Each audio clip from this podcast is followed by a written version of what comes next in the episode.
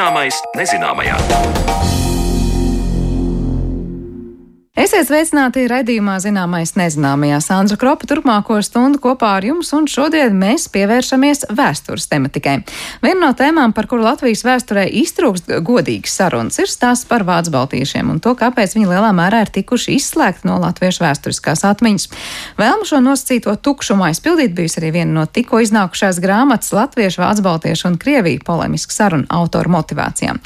Par mītiem saistībā ar Vācu baltiešiem sarunu raidījumu otrajā daļā, taču līdz tam ielūkosimies vēl vienā jauniznākušā grāmatā par izciliem zinātniekiem, kur nākuši tieši no Latvijas. Sagaidot Latvijas 102. dzimšanas dienu, klajā laistā grāmata Ceļš uz izcilību Latvijas izgudrotāju pasaulē. Datorzinātnieks Andris Padaks, hologrāfijas celmlauzes jūras upatnieks, pīpes konstrukcijas izveidotājs Kārlis Petersons, Estere Sāns Takeuči, kur izveidojas ilgstoši strādājošu bateriju sirds stimulātoru nesētājiem un vēl virkne citu, kur nopelni ir apkopots šajā grāmatā. Vairāk par šiem grāmatas varoņiem interesējas mana kolēģi Zana Lāce. Šajā grāmatā, ko klajā ir laidusi patentu valde, ir apkopoti 25 pasaulē atzinību guvušu latviešu izcelsmes zinātnieku panākumi. Tas ir kā drukāts piemineklis šiem cilvēkiem, kuru dzimtene ir Latvija un kuri ar savu devumu ir atstājuši pēdas visā pasaulē, sākot no kosmosa tehnoloģijām līdz sadzīviskiem priekšmetiem. Aviokonstruktors Kārlis Irbītis, fotoaparāta minoks izgudrotājs Valters Caps, Vācu baltieši ķīmiķis Pauls Valdens un Friedrichs Sanders, viens no raķešu būvis pionieriem, Anatols Lapiņš, Porsche autobūvis inženieris un dizaineris. Šo raidījumu ciklā esam stāstījuši par Juri Upatnieku, vienu no hologrāfijas izgudrotājiem. Bet tagad kopā ar grāmatas Ceļš uz izcilību Latvijas izgudrotāju pasaulē teksta autori un pētnieci, žurnālisti Ilzi Grīnumu, iepazīsim citus līdz šim plašākai publikai mazāk zināmus latviešu izgudrotājus. Kas man bija šie pārsteigumi? Tā ir vesela virkne. Piemēram, izcils uh, zinātnieks avio konstruktors Jānis Sakermanis. Savā ziņā līdzīgs Sanderam, savā izziņās, savos eksperimentos. Jānis Sakermanis ir dzimis Rundāles pagasta amatnieka ģimenē. Pēc Pirmā pasaules kara izceļojis uz Amerikas Savienotajām valstīm, kur 1925. gadā ir beidzis Mičiganas Universitātes aviācijas fakultāti, strādājis par aeronautikas skolotāju un lidmašīnu konstrukcijas inženieru vairākos uzņēmumos un no 1940. gada bijis Boeing Aircraft Corporation padomnieks. Pēc ASV gaisa spēku pasūtījuma viņš projektēja pirmo iznīcinātāju, kas spētu lidot lielā augstumā. Tālāk Konstantīns Počs. Mēs zinām vairāk vai mazāk, ja, kas ir avaks agrīnās brīdināšanas un kontrolas sistēma. Bet uh, iespējams, ka ne visi zina, ka divi izcili vīri, Guntis Bruniņš un Konstantīns Počs, katrs savā galā piedalījās izgudrojumos, lai šī lidmašīna taptu. Un, uh, proti, Guntis Bruniņš strādāja Boeing un Boeing ražoja šo lidaparātu, bet Konstantīns Počs strādāja pie šī lidaparāta milzīgā radara. Un uh, savstarpēji viņi šķiet pēc tiem materiāliem nebija pazīstami, bet abi pielika roku, lai taptu šī unikālā lidmašīna, ko NATO izmanto projām. Un, principā visjaudīgākā. Tātad katrs strādāja vienotā projektā, bet katrs savā daļā. Nākamie latvieši, kuriem ir lieli nopelni datorzinātnēs, ir Juris Hartmanis, datorzinātnieks un skaitļošanas teorētiķis, kurš 1993. gadā saņēma Alana Tjūringa balvu kā atzinību par pētījumiem, kas radīja pamatus skaitļošanas sarežģītības teorijai un Andris Padaks, kas ir lieldatoru IBM arhitektūras autors. Izcelības datorzinātnēs ir eh, divas pieminētas - Juris Hartmans un Andris Padaks. Juris eh, Hartmanis - unikāla personība, principā moderno datoru zinātņu aizsācējs, un līdzīgi arī Andris Padaks, kurš strādāja IBM un uh, ir IBM sistēmas 360 zinātāji, zinās, kas tas ir. Tātad veidotājs, šīs sistēmas definīcijas līdzautors. Ar to sākās vēsturisks eh, posms datoru attīstībā. Viņš izstrādāja tā saucamos lieldatorus, izstrādāja lieldatoru arhitektūru. Bez tās mēs nevaram iedomāties tālāko datoru vispār attīstību. Tas ir pamatu pamats. Šī sistēma joprojām ir pazīstama kā vislabāk aprakstītākā un, principā, labākā IBM arhitektūra. Līdz ar to sākās šī liela datoru attīstība neiedomājamos tempos. Es ļoti daudz lasīju par padagumu, un iekšēji es kaut kā pārdzīvoju, ka pēc tam, kad šī sistēma tika palaista, tā bija sensācija. Tas bija kaut kas neticams, šī sistēma, IBM sistēma 360. Bet kā es lasīju arī vienā no aprakstiem, Padakungs ir palicis sēnā. Ir daudzi apbalvoti, daudzi nest saulītē. Lūk, šeit mums ir izgudrotāji. Kā viens no šiem arī apbalvotajiem izgudrotājiem saka, viņš saka, un tur ir citāts, ka Andris ir viens no visvairāk neapciedātākajiem varoņiem sistēmas izstrādē. Ja nebūtu viņa personiskā nopelna, principā nebūtu šīs sistēmas. Pats Andris Padaks ir teicis šādi: ir teiciens, ģenialitāte ir 99% sviedru un 1% iedvesmas. Šis viens procents ir būtisks, bet tam nav lielas nozīmes, ja nav pietiekama koncentrēšanās un darbs. Skatot tālāk izcilības no Latvijas, ir jāmin vienīgā sieviete, kas ir iekļauta šajā sarakstā kopā ar 24 kungiem un tā ir Estere Sāns Takeučī, kuras vārds plašāk izskanēja 2009. gadā, kad zinātniece saņēma no toreizējā ASV prezidenta Baraka Obamas ASV augstāko apbalvojumu par tehnoloģiskajiem sasniegumiem. Un te ir runa par ilgstoši strādājošu bateriju sirds implantiem. Jaunajai baterijai bija jābūt miljoniem reižu spēcīgākai nekā parastai elektrokardiostimulātoru baterijai, kas vienkārši notur sirdi normālā ritmā. Tā ir skaidrojusi Estere Sānstakeučī. Sirds ritma stimulātoru baterija unikāls izgudrojums, salīdzinoši jauna zinātniece. Un šis stāsts ir ļoti interesants, ļoti mērķtiecīga un izcila zinātniece visas pasaules mērogā. Un Estere Sāns Takevuči ir sieviete zinātniece, kura ir patentējusi visvairāk izgudrojumu, vairāk nekā 150 izgudrojumu. Viņa neslēpja, ka tad, kad sākās darbs pie šīm ilglaicīgajām baterijām, viņa ar savu komandu mērķtiecīgi patentēja. Varētu tā vienkārši teikt, katru savu soli. Zinot, ka šajā jomā konkurence ir ļoti sīva, un ja tiek kaut kas unikāls un iespējams noderīgs izgudrots, tas ir noteikti jāpatentē.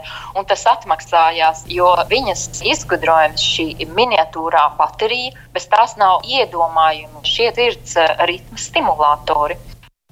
Skatoties uz sadzīviskiem izgudrojumiem, ir jāpiemina Kārlis Petersons, latviešu uzņēmējs un izgudrotājs, Dublinas pīpju fabrikas Kap un Petersona līdzīpašnieks un direktors īri ar šīm pīpēm lepojas joprojām. Patiesi pīpes joprojām ir vienas no prestižākajām, un šī konkrēti Petersona pīpju tradīcija turpinās, un viņas ir novērtētas. Stāsts ja patiesi arī ir eh, ļoti interesants, kā jauns puisis, talantīgs eh, amatnieks, kas ir skolojies koka virpošanas mākslā, meklē šīs darba iespējas un pārkāpja Dublinas pīpi meistara Friedrika Kapa darbnīcu un ir pilnīgi pārliecināts, ka viņš var visu izdarīt eh, labāk. Viņš zina, zina visu labāk, un viņam ir eh, simts un viena ideja, bet ātri tas gan tā, tā nenotiek, kā viņš ir iedomājies. Viņu vienkārši nosēdina darbnīcā par griezēju, un tā nu viņš griež šīs pīpes, līdz pamazām iemācās valodu. Pierāda, viņš patiesi var izgudrot uh, kaut ko tādu, kas visiem būs ērts un patīkams lietošanai. Jo viņš domāja par to, lai šīs pīpes nededzinātu mēli, būtu maksimāli nu, negaidīgas, cik tas varētu būt, un būtu ērtas. Un tas, ko viņš patentēja, pīpētāji saprata, tas patiesi ir tas, kas viņiem ir vajadzīgs. Un ka šis dūms neatstāja uh, rūkto garšu un surstošā uh, mēlē ir izpalikusi, tā nav apdedzināta un tā tālāk. Un ātri vien kļūst par uh, šī uzņēmuma pēctecis. Tad ir Kapena Petersen, un kapam ir dēli, bet tiešais mantinieks faktiski sanāk mūsu Petersons. Un vēl latviešu izgudrotāja vārds ir jāmin saistībā ar mozzarellas siera bumbiņām, un te nopelni ir Visvaldim Dzenim. Zeņkungs eh, bija studējis eh, piensaimniecību un, un tehnoloģijas, un mm, nonākot Amerikā, viņš sāka strādāt kādā no piena pārstrādes uzņēmumiem un nonāca vienā no itāļu manufaktūrām un saprata, cik smagā darbā pulksten trijos no rīta šie meistari sāk pacietīgi, monotoni veidot siera bumbiņas, ka tas nekur nedara. Ir nepieciešams kaut kas, kas šo darbu atvieglotu. Un tā, nu, vismaz kā viņš stāsta, viņš ir ņēmis zopas stūbiņu, pildījis eh, to šo mozzarellas masu un laidis un mēģinājis, kā viņš varētu izgudrot aparātu, kas eh, veidot šīs bumbiņas. Ar pirmo reizi viņam nesanāca, bumbiņas bija neglītas un, un grumbuļainas un nekā roku darbā, bet ar otro reizi viņš pagadījās īstajā vietā un laikā. Un uh, kāda viena no tobrīd ASV lielākajiem um, itāļu mozzarellas ražotājiem un arī, nu, varētu teikt, izvadātājiem pa visām savienotajām valstīm nopirka šo viņa izgudroto iekārtu un saprata, jā, tas ir kaut kas, un tā tas aizgāja tālāk citās rūpnīcās. Ar grāmatas ceļš uz izcilību Latvijas izgudrotāju pasaulē teksta autori žurnālisti Ilze Grīnumu sarunājās mana kolēģe Zane Lāca. Bet, ja par Latvijas vēstures mazāk zināmajām lapusēm runājam, tad pavisam noteikti jāklausās stāsts mūsu raidījuma turpinājumā.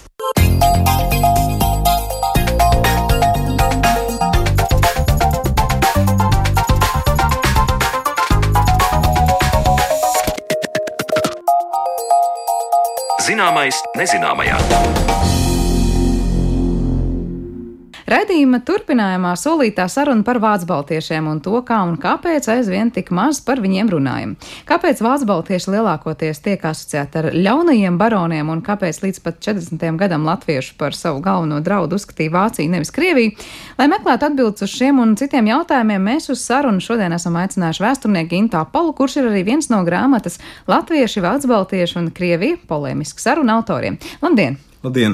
Es saprotu, grāmata ir nu jau iznākusi un pie interesantiem var aizceļot, bet eh, pašā grāmatas pie, pieteikumā jūs esat teicis, ka bez kritiska skatu uz vācu baltiešu jautājumu nav iespējams eh, dekonstruēt Latvijas vēstures mītus.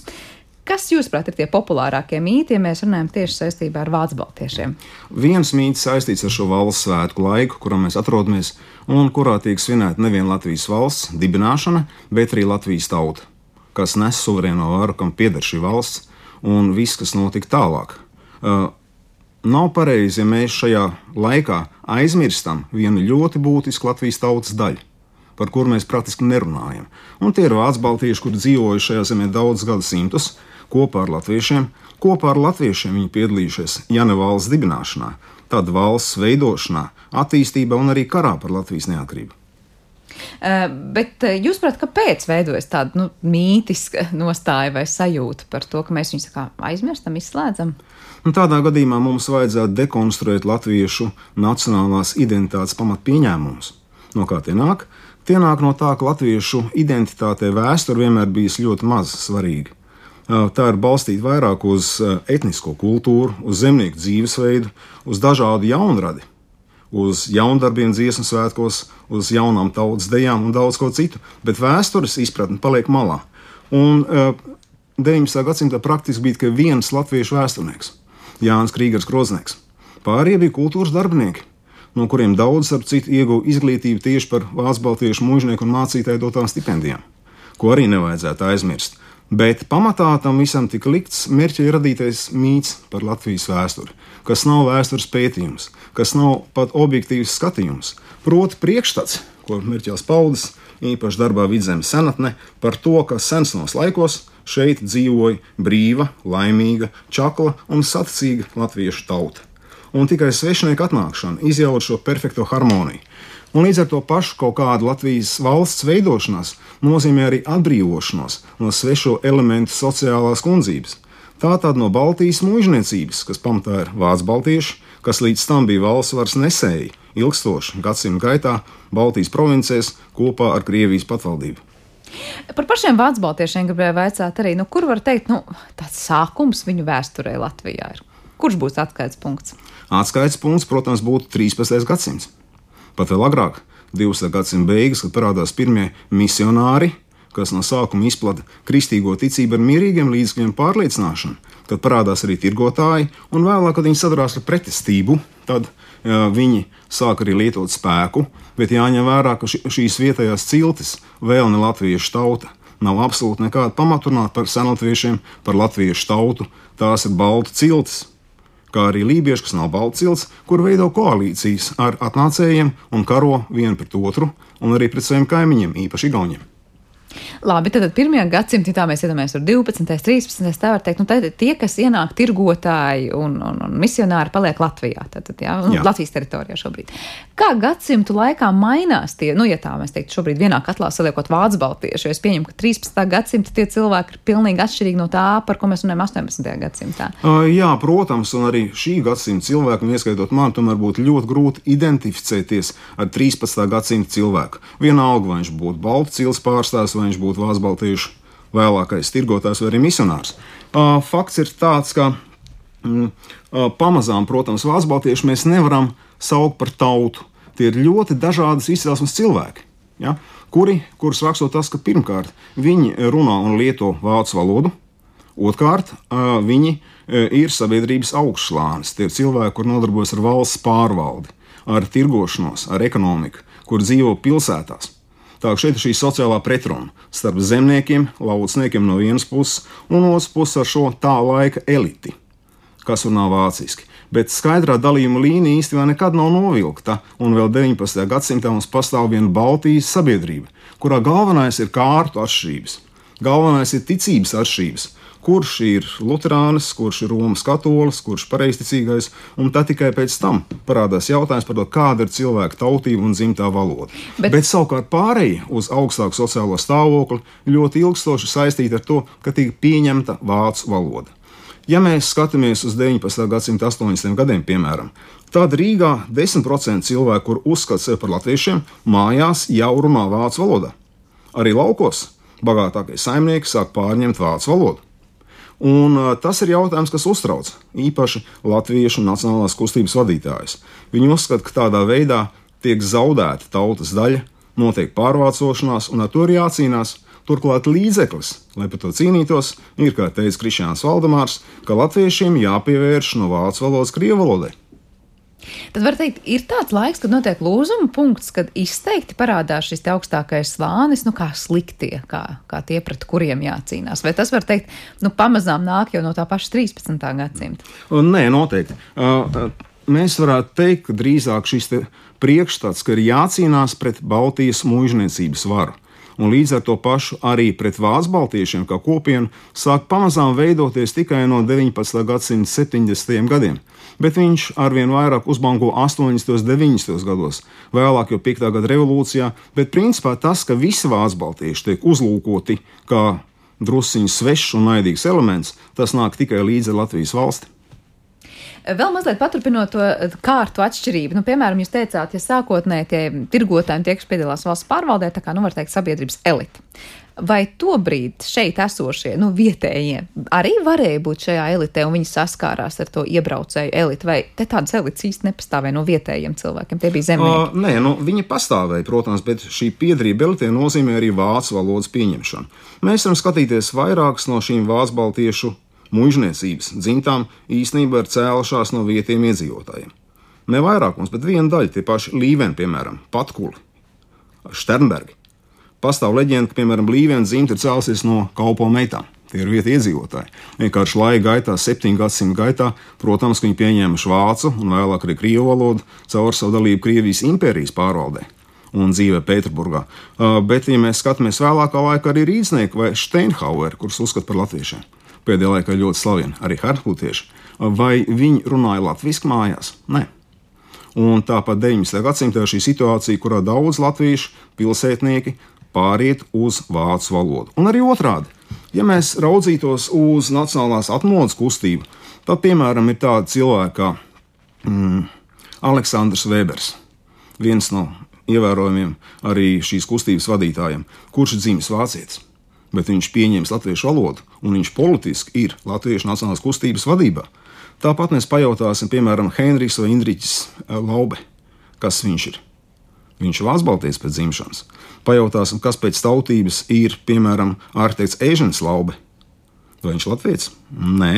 Un, ja mēs lasām Wikipēdiju, piemēram, par Johanu Valteru vai Jānu Valteru, tur mēs lasām sekojošo. Vācu Baltiešu gleznotājs viens no Latviešu Nacionālās glezniecības skolas pamatlicējiem.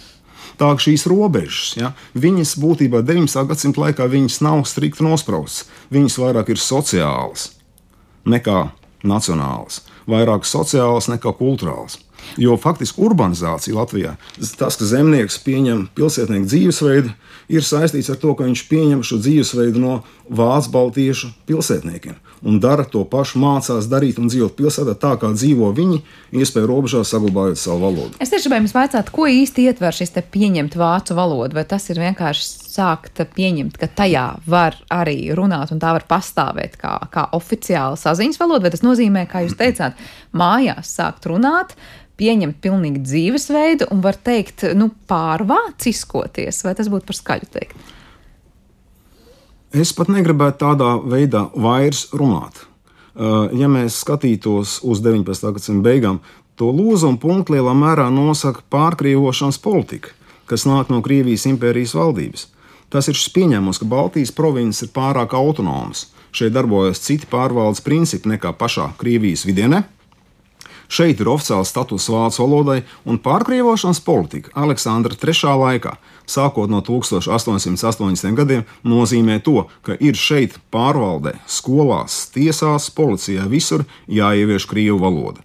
Un uz to atsaucās Latviešu Nacionālās kustības vadītāji, īpaši Valdemārs, bet arī Friedrichs Embers, piemēram, un daudz citi, kas saka, ka jā, ja latvieši vēlas dzīvē iet uz augšu, tādā gadījumā viņiem ir jāpievērš krievu valodai un viņam pavērsies neviena iespēja pārdalīt varu šeit uz vietas, izējot no savas lojalitātes Krievijas valdībai un savas negācijas pret vācu vai vācu baltiešu tautības mužniekiem, bet viņiem pavērsies lielās ekonomiskās iespējas visas Krievijas impērijas mērogā.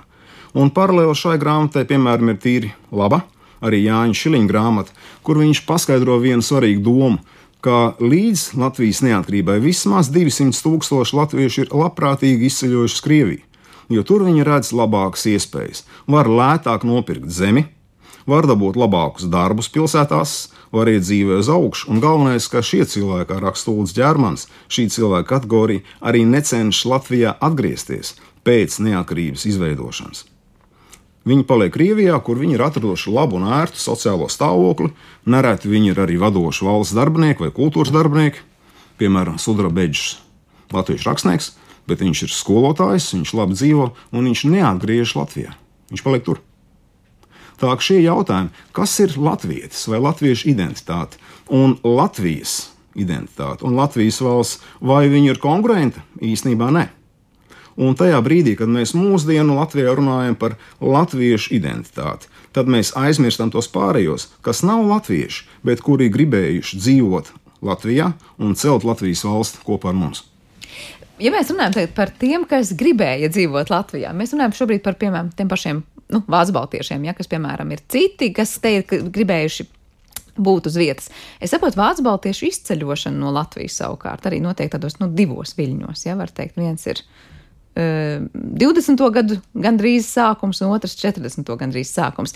Kas notiek tajā brīdī ar šiem cilvēkiem? Viņi var teikt, ir jau šeit identitātei piederīgi un spiesti atstāt ne tikai savu mantu, bet arī savu kaut kādu identitātes daļu un doties prom. Kā notiek, kāda ir tā iekšē? Cik jūs varbūt esat pētījuši to jautājumu? Kas patiesībā notika tad, kad šiem cilvēkiem bija jādodas atpakaļ uz Vāciju? Kurus nu, patiesībā nu, nav izbraukuši pirms varbūt 20 gadiem no turienes. Lāsbaltiešu izceļošana no šīm Baltijas provincijām vēl pirms pastāv Latvija vai Igaunija kā teritorijas vai valstis sākās jau no 19. gadsimta beigām. No sākuma tieši pārkrievošanas dēļ, kad Krievijas impērijas varas iestāžu spiediens, lai tāda cilvēka kā vēstnieks Širins, teiksim, kurš iebilst pret Krievijas valsts politiku, lai viņi dotos projām no šejienes. Tie vēl ir mazi skaitļi pamazām. Pēc 1905. gada notikumiem, kurus es nelabprāt saucu par revolūciju, arī liels skaits cilvēku sāk no šejienes beigt, jo viņi jūtas apdraudēti. Arī tas nav daudz. Pirmais pasaules karš seko ļoti ģermanofoba Krievijas militārās propagandas kampaņa, kas jebkuru vācieti pasludina par valsts ienaidnieku. Arī ebrejs, ap citu, pie viena un tiek aizliegts lietot vācu valodu publiskās vietās, tiek slēgts visas vācu skolas un organizācijas, ir liela sūde, notiek deportācijas no Baltijas provincēm uz Krieviju. Tālāk seko komunistu terors 17. gadā, īpaši daudz jau Stučkas valdības laikā, 19. gadā, un īpaši arī tad daudz cilvēku no Latvijas bēg. Nevien vācu baltieši, bet arī latvieši, no kuriem atgriežas pēc valsts stabilizēšanas tikai daļa. Un, jā, diemžēl 20 Latvijas neatkarības gados spiediens pret šo valsts baltiešu kopienu ir nepārtraukts. Tā nav runa tikai par agrā reformu, kas konfiscē mūžniecības īpašumus laukos. Pēc tam notiek arī sabiedrisko organizāciju īpašumu konfiskācija, baznīcas tiek konfiscētas, ģildes nami tiek konfiscēti. Uh, notiek arī pat terora akti, kā piemēram Landesvēra pieminiekļa spridzināšana meža kapos, kur vainīgos neatrod un tāds turpinās nepārtraukti. Liela daļa cilvēku atstāja šo teritoriju jau pirms lielās izceļošanas 39. un 40. gada ziemā. Bet es gribētu pievērst uzmanību tieši šim pēdējiem aspektam, jo mēs reizēm neaptveram, ko tas nozīmē.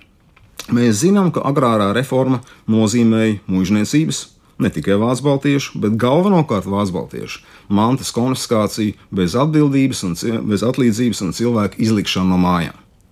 Tas notika. Bet arī tālāk, lūk, šī pēdējā izceļošana nozīmē to, ka Latvijas valsts labprātīgi slēdz līgumu ar Nacionālo sociālistu Vāciju. Par šīs Latvijas pilsoņu kategorijas pārvietošanu uz Vācijas okupēto Polijas teritoriju.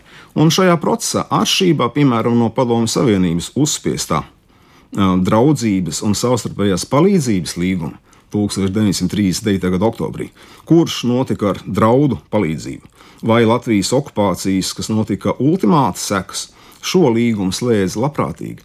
Un tas nozīmē to, ka Latvijas valsts pārņem 500 miljonus vērtu mantu, kas nozīmē visu, ko nevarēja aizvest, nekustamos īpašumus, tirzniecības, rūpniecības uzņēmumus, Viņa arī pārņēma visus banku noguldījumus, 30 miljonu latu vērtībā, ļāva katram izvest līdz 50 latus uz cilvēku tikai, un to savukārt Vācijas valdība kompensēja uz aplaupīto polijas pilsētu rēķinu. Jā, bet no Latvijas valdības viedokļa, saņemot 500 miljonu latu vērtu mantu, Vācija tika samaksāts pretī no Latvijas valsts budžeta ne vairāk kā 200 miljonu latu. Tas bija ļoti izdevīgi, bet vienlaikus arī ļoti amorāli pret Latvijas pilsoņiem. Mēs zinām arī to, ka ir viens paraugs, tas profesors Lebers, ļoti lojāls cilvēks, kurš pagājušā gadsimta beigās ar tiesas spriedumu atjaunoja savu Latvijas pilsonību. Kāpēc? Tāpēc, ka izceļot no Latvijas šī pilsoņu kategorija pretēji satversmē, tika spiest parakstīt solījumu, ka viņi labprātīgi atskās no pilsonības savā vārdā, savu nepilngadīgo bērnu un pēcteču vārdā, un apsolās šeit nekad neatgriezties, zaudēt tiesības atgriezties šeit, kas ir pilnīgi pretiesīski. Lūk, Lēbers to apstrīdēja kā viens, laikam, vienīgais, un panāca ka tiek atjaunot viņa pilsonība. Bet vārds, šī pēdējās izceļošanas amoralitāte faktiski nav mazāka, pat vēl lielāka nekā agrā reforma. Es tieši gribēju vaicāt par to, nu, kas lika vai pamudināja tā brīža nu, valdību vai kā parakstīt šādus papīrus, vai tas bija ekonomiskais izdevīgums, ko iegūt no šo cilvēku mantas, ko nevarēja aizvest, un naudas, ko nedrīkstēja izvest, vai tā bija kaut kāda iekšēja, nezinu, niknums atriebība par to, ka jūs joprojām esat tie sliktie pēdiņās teikšie mužnieki, un jums ir jādodas prom. Nu, tā ir diemžēl lieta, ka tiek pārspīlēta Latvijas valsts nacionālā daba, saprotot to kā tikai nacionāla valsts, kā etniska valsts. ka latviešiem ir jāpārņem viss, kas šeit pieder neviena vara, bet arī ekonomiskā vara, proti, manta. Tas ir viens pārspīlējums, un blakus nāk arī tas, par ko būtu jārunā ar kādu psihologu, nevis ar vēsturnieku. Vai cilvēki, kuri ir ilgstoši bijuši gadu desmitiem un varbūt simtiem uh, diskomforta stāvoklī, kuri skatījušies uz valsts baltiešiem kā uz augstāku sabiedrības slāni, kas viņus apdraud. Vai šie cilvēki to nejūt kā atbrīvošanos? Viņi paaugstina savu sociālo statusu, un viņi vienlaicīgi izpauž savu veco negāciju, kas ilgi krājusies vienkārši tāpēc, ka tu esi kaut kur zemākā stāvoklī nekā tas otrs. Un tad vērsies pret visiem, jo par šī zemākā stāvokļa simbolu tiek uztvērta vācu valoda. Tas jautājums, pret ko vērsās Latviešu nacionālā kustība, kā jau minēju, jau no, deviņ, no 19. gadsimta 80. gadiem. Bet var teikt, tā bija tāda ne, nezinu, nepatika pret um, turīgākiem, veiksmīgākiem Jā, arī. cilvēkiem. Arī, protams, mēs reizēm aizmirstam to, ka Latvijas neatkarīgās valsts sociāla ekonomiskā politika bija gana kreisa lai gan no valsts dibināšanas bija izslēgta un tur negribēja pievienoties komunisti kā radikāli kreisais elements, taču Latvijas sociālo-ekonomisko politiku, īpaši agrā reforma, noteica sociāldemokrāti, kas ideoloģiski bija ļoti radniecīgi tiem pašiem komunistiem, jo komunistu partijas sadalīšanās komunistos un sociāldemokrātos notika tikai 1918. gadā.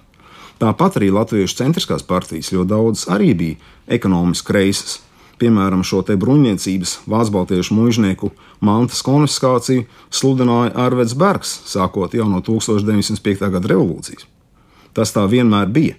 Tātad tā ir nevien nacionālas valsts veidošana, pamatā etniska izpratnē, bet tā ir arī sociāli, ekonomiski kreisas valsts veidošana, lai, lai, lai tādā veidā garantētu solidaritāti, lai noņemtu visu veidu pretrunas. Diemžēl tas notiek izstumjot citādos kaut kādā mērā tā citādā nepieņemšana un iztumšana iet laikam, laikam nu, līdzi mūsu sabiedrībai. Mums ir grūti pieņemt svešo arī mūsdienās. Jā, bet tā ir tā mitoloģija, par ko runājam šīs intervijas sākumā, par to, ja mēs balstām identitāti uz mītiem, nevis uz vēsturi, nevis uz zināšanām. Ja mēs balstām to uz jaunradi, mākslu, kultūru, kas ir vairāk latviešu, tādā gadījumā tas neizbēgami. Bet pamatā, jā, pamatā bija lūk šis te Mērķeļa mīts, kur pumpurs formulē vārdos, kā mēs zinām, epos lāču plēs pirmajās rindās. Sensenos laikos, Daugos krastos dzīvoja laimīga latviešu tauta. Tur ir veseli trīs pieņēmumi iekšā, kas prasa kaut kādu, teiksim, pamatojumu. Ja? Vai tiešām bija Daugos krastos kaut kāda latviešu teritorija, vai toreiz vispār pastāvēja latvieši, vai viņi tiešām bija brīvi, vai viņi tiešām bija laimīgi, vai visi bija laimīgi. Un šie, tas ir ļoti daudz, bet arī Punkurs beigās dod šo savu nākotnes vīziju, kas ir diezgan, diezgan ļauna. Ja? Bet ar brīdi nāks mm, moments, tad, bet, ka nāks tas brīdis, kad viņš savu naidinieku vienu pašu lejā grūdīs, noslīcinās atvarā. Un patiesībā eksploatējot šo kultūras mītu arī vēl līdz mūsdienām mēs attaisnojam visu vardarbību, kas bija nevien netaisnīga, bet arī iracionāla, kas notika vēlāk 20. gadsimta laikā. Vai bija tā, to laiku sabiedrībā tomēr kaut kādas arī diskusijas un pretēji viedokļi, ja mēs runājam kaut kā par to, nu, viņu izceļošanu, atņemot to mantu un ļaujot tur izvest tiešām nu, smieklīgu naudas summu, zinot, cik jā, jāatstāj Latvijā.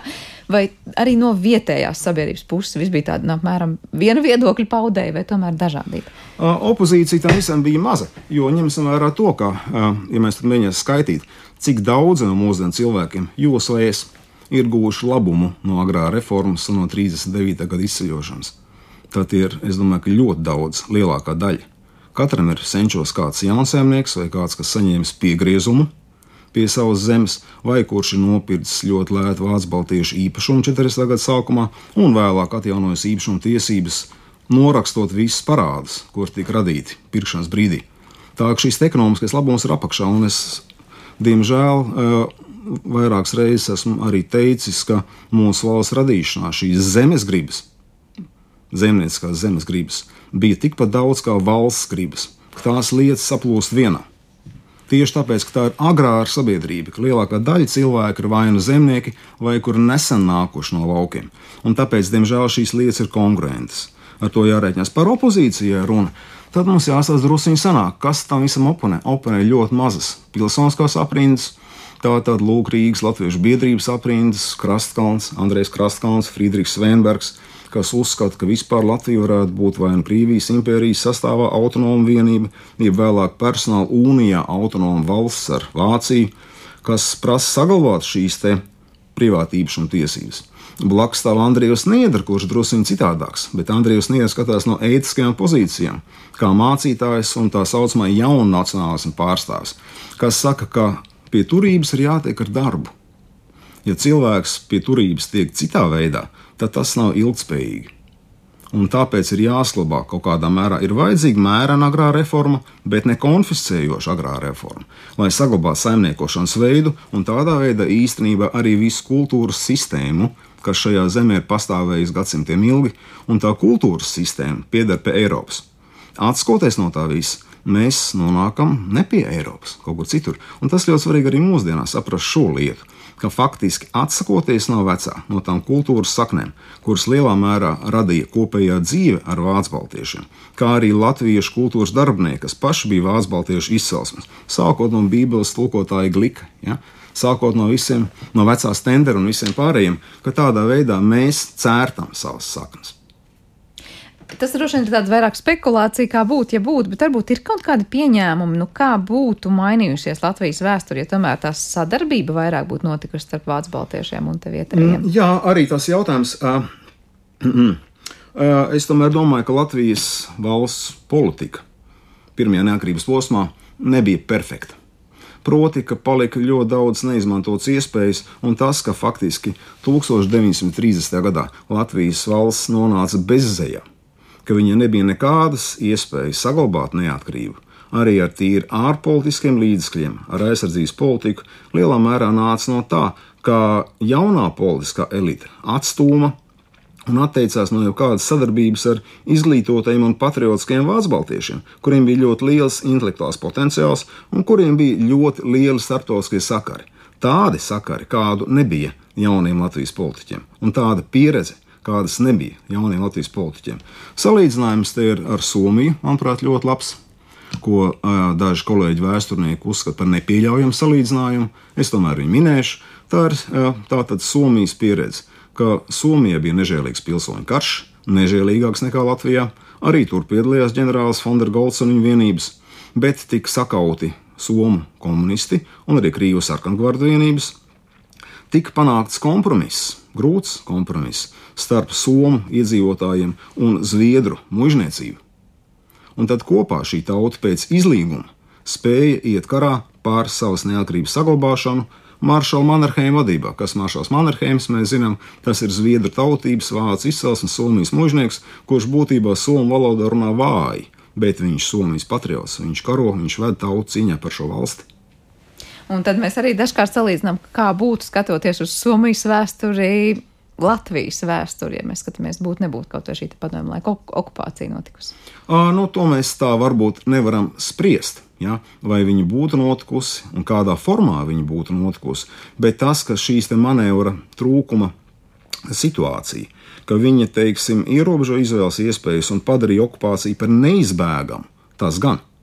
Varbūt tā okupācija varēja ieņemt citu formu, Vēsturnieks Andersons arī, piemēram, norādījis, ka jā, ja Latvija būtu pieņēmusi Padomu Savienības, Francijas un Lielbritānijas kopīgās garantijas, kas arī nozīmēja protektorātu, faktiski, tad tādā gadījumā viņi varētu iznākt no kara nevis kā anektēta teritorija, kas pakļaut kolonizācijai un rusifikācijai un migrācijai, bet tomēr varbūt kā kaut kāda Padomu Savienības satelīta valsts, saglabājot zināmu autonomiju un identitāti nenonākot eksistenciāli draudu priekšā. Un to pašu varētu teikt par sadarbību ar Vāciju. To, ko darīja piemēram Igaunijas valdība, daudz vairāk nekā Latvijas valdība 30. gadu beigās. Kā, protams, ka Nacionālās sociālistu Vācija ir liels ļaunums, bet no otras puses viņš ir tāds pats ļaunums kā Padomju Savienība. Un tās Eiropas valstis, kuras iegāja karā kā Vācijas sabiedrotās, Ungārija, Rumānija, Bulgārija, skaitīsim vairākas valsts, ja, viņas pēc kara bija labākā situācijā nekā šīs trīs anektētās Baltijas republikas. Noslēdzošais jautājums no manas puses. Jūs piesaucāt jau Igauniju. Kā šie procesi notika Igaunijā vai Lietuvā atšķirīgi? Proti, kā Vācu baltiešu likteņi atšķīrās vai neatšķīrās no tā, kas notika Latvijā? Uh, nu, visvairāk kopīgā šeit būtu ar Igauniju, tāpēc, ka Latvija un Igaunija abas divas ir cēlušās no viduslaika Livonijas, tās vēlākās Baltijas provinces, un, protams, sociāli ļoti līdzīgas. Ar Igauniju ir divi aspekti. Pirmais, tas, ka Latvijas radikāla agrā reforma lielā mērā noteica Igaunijas militārā intervences Latvijā. Cēlās kaujas, kas neļāva nostiprināties Andrija un Iedras valdībai, kas ļāva atgriezties pie varas Kārļa Ulmaņa otrajai pagaidu valdībai. Taču vienlaicīgi ar to visu šī Igaunijas intervence faktiski eksportēja uz Latviju konfiscējošo Igaunijas agrā reformu un jau vidzemē, jau Igaunijas karaspēka laubūtnē, sākās ļoti plaša mēroga zemes īpašuma konfiskācija. Tas ir viens. Bet atšķirība no Latvijas tāda, ka vēlāk Igaunija ātri saprata, ka iets par tālu. Un pirmkārt, Igaunija maksāja nelielu, bet tomēr kompensāciju mūžniekiem, noņemot druskuļi šo konfiscējošo aspektu. Ja? Tas ir viens, un otrkārt, Igaunija meklēja saprašanos gan ar vietējo Vācu Baltiešu kopienu, pielaižot Vācu Baltiešu kopienas pārstāvis valsts pārvaldē, pielaižot viņus arī valsts aizsardzībā. Ja? Tur arī kalpoja Vācu baltiešu virsnieki līdz pašām neatkarības beigām, atšķirībā no Latvijas. Tāpēc Igaunijas politika bija pro-vāciskāka, pro viņi saprata šī faktora nozīmi attiecību veidošanā, sākumā ar demokrātisko Vāciju, vēlāk jau ar nedemokrātisko Vāciju. Latvijā tā nenotika. Latvija bija vairāk rusofīla vienmēr savā iekšpolitikā un ārpolitikā ko apliecina fakts par šo pašu 39. gada oktobra līgumu, kuras minēju, mēs reti pieminam to, kā, ko raksta arī Edgars Andersons, ka pēc šī līguma Latvija kļuva par Padomjas Savienības sabiedroto. Tieši sabiedroto. Par kādu? Par vienas totalitāras, teroristiskas, agresīvas valsts sabiedroto. Lietuvā situācija ir cita, jo Lietuvā Vācu baltieši vairāk piedar pie sabiedrības vidējiem slāņiem. Tie ir vairāk amatnieki, zemnieki, Ziemeļlietuvā īpaši, nerunājot par mēmeles vai klaipēs apgabalu, kas ir pilnīgi atsevišķs jautājums. Bet sociāli šī Lietuva ir citādāka. Un arī Lietuva ilgstoši ir vairāk orientēta uz sadarbību ar Vāciju. Latvija tajā ziņā izceļas ar ļoti ģermanofobu un vēlreiz teikšu rusofīlu politiku. Jā, nu, liels paldies par šo tādu ieskrēju un šīs vēstures lapusēs. Es saprotu, vismaz grāmatā Latviešu, Vācu, Baltiešu un Krieviju polemiska saruna. E, šie jautājumi ir izdiskutēti no dažādām pusēm un tiešām aktualizēti. Lielas paldies par šo sarunu. Dzirdējām vēsturnieku Gintu Apalu šodien mūsu raidījuma studijā. Vēl tikai atgādināšu, ka šo raidījumu, tāpat kā arī citus zināmais nezināmajās stāstus, jūs varat klausīties arī populārākajās podkāstu vietnēs. Bet nu šai reizē teikšu paldies arī raidījuma producentei Armītei Kolātei par sarūpēto sarunu mūzikas redaktoram Girtam Bišam un Kristīna Dēl bija skaņu režijā. Ar jums kopā šajā stundā Sandra Kropa un mēs tiekamies jau atkal rīt vislabu!